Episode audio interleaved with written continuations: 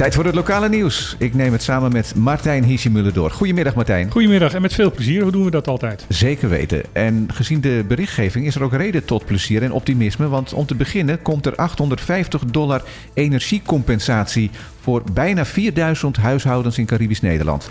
Ja, dat is heel goed nieuws.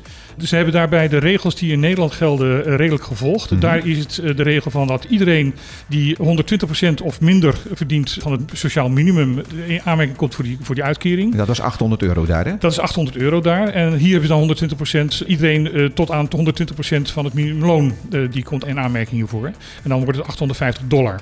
Ja, het komt op eh, bijna 40% van alle huishoudens terecht, hè? Ja, het is wel zo, omdat ze zeggen, de armoede is hier toch zwaarder dan in, in Europees Nederland. Dat er 1,1 miljoen extra is gereserveerd om te kijken of er toch nog aanvullende ondersteuning kan komen voor deze mensen. En dat wordt aan het openbaar lichaam overgelaten, hoe ze dat gaan invullen. Nou, misschien horen we daar dan de komende periode meer over. Nog meer goed nieuws. Carole Schouten, die eh, gisteren volgens mij nog hier op het eiland was, heeft aangekondigd onder meer de kinderbijslag in twee fasen te verhogen. Maar er gaan meer goede dingen gebeuren. Ja, ze is trouwens nog steeds op het eiland. Ze, heeft vanmiddag heeft ze een persconferentie en daarna gaat ze terug naar Nederland. Oké. Ja, ze heeft echt kennis genomen van de armoede hier. Zij is de minister van Armoedebeleid, eh, Participatie en Pensioenen. En ze heeft dus echt gezegd van ja, er, er zal echt iets moeten gaan gebeuren. De, de verhoging van de onderstand en het minimumloon eh, gaat al eh, heel snel beginnen. Want eh, dat is al per 1 juli. Met hoeveel gaat het minimumloon omhoog? Het minimumloon gaat omhoog met een bedrag van voor alleenstaande van 78 dollar per maand. En als je met z'n twee woont, dan wordt de verhoging 164 dollar per maand. Dat is iets minder dan 10%, hè? Dat is Omgerekend. ongeveer 9 procent. Oké. En eh, ook toegezegd dat er begin volgend jaar ook weer gekeken gaat worden of dat verder verhoogd kan worden. Kinderbijslag wordt verhoogd met 10 dollar per kind per maand.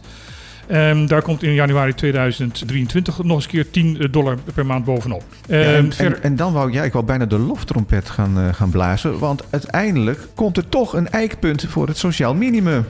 Ja, plus dat er ook gekeken gaat worden naar een werkloosheidsuitkering. Maar dat gaat pas gerealiseerd worden ergens in eh, 2025, dus over drie jaar. Ja, maar goed, het is Er- meer dan een stip aan de horizon Het is inmiddels. meer aan een stip aan de horizon. Ze heeft ook gezegd, ik wil ervoor zorgen dat dit in deze regeerperiode gaat gebeuren. Nou, ik vind dat bemoedigend. Dus goed nieuws. Heel goed nieuws. De nieuwe toeristenbelasting. Er is het een en ander om te doen geweest. hè.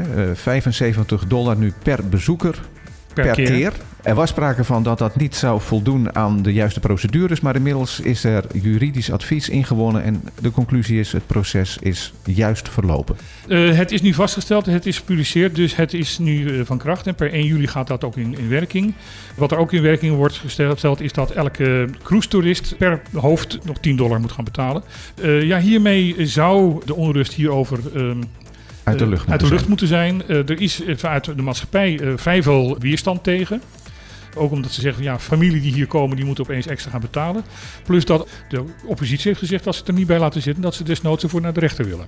Dus het zou toch nog een staartje Ja, kunnen het zou nog krijgen. een staartje kunnen krijgen. Ja. Nou ja, je zei het al, 10 dollar per cruise-passagier die Bonaire gaat aandoen per 1 juli. Er is meer nieuws over het cruise-toerisme, want de Bonaire Cruise Tourism Association, de BCTA, is bezorgd en teleurgesteld over de overheidscommunicatie. Dat klopt. Er is al een tijdje geleden een Tourism Recovery Plan gepresenteerd. Daar was toen de BCTA al heel ongelukkig over. En die noemde dat geen recovery plan, maar wat voor de cruise toerisme betreft een liquidatieplan.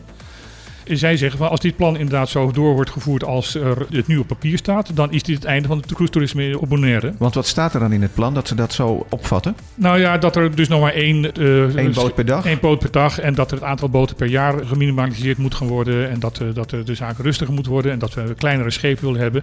Ja, ik snap de onrusten bij BCTA wel, want dat is namelijk hun inkomen. Ja. En zijn er dan in eerste instantie toezeggingen gedaan vanuit het OLB naar die organisatie om dat te verzachten? En, gebeurt dat nu toch niet? Nou, gedeputeerde Hennis Tielman heeft inderdaad toegezegd volgens de BCTA dat er dingen aangepast zouden worden en daarmee de desastreuze gevolgen voor de lokale ondernemingen eh, wat zou worden verzacht.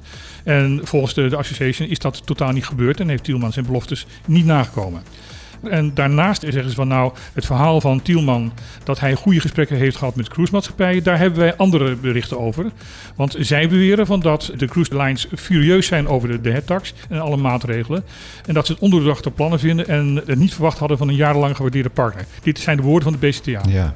Hoewel die headtax toch niet veel afwijkt van wat er op eh, andere bestemmingen betaald moet worden. Misschien zelfs dat het nog eh, met die 10 dollar daaronder zit. Maar het is wel 300% meer dan wat er nu ge- betaald wordt. Ja, maar dat is op Bonaire gebruikelijk. Dat is- Verhogingen van 300% Goed, we gaan even naar Sint Maarten. Daar zijn drie arrestaties verricht vanwege fraude met het noodfonds eh, wat op tafel kwam na de orkaan Irma.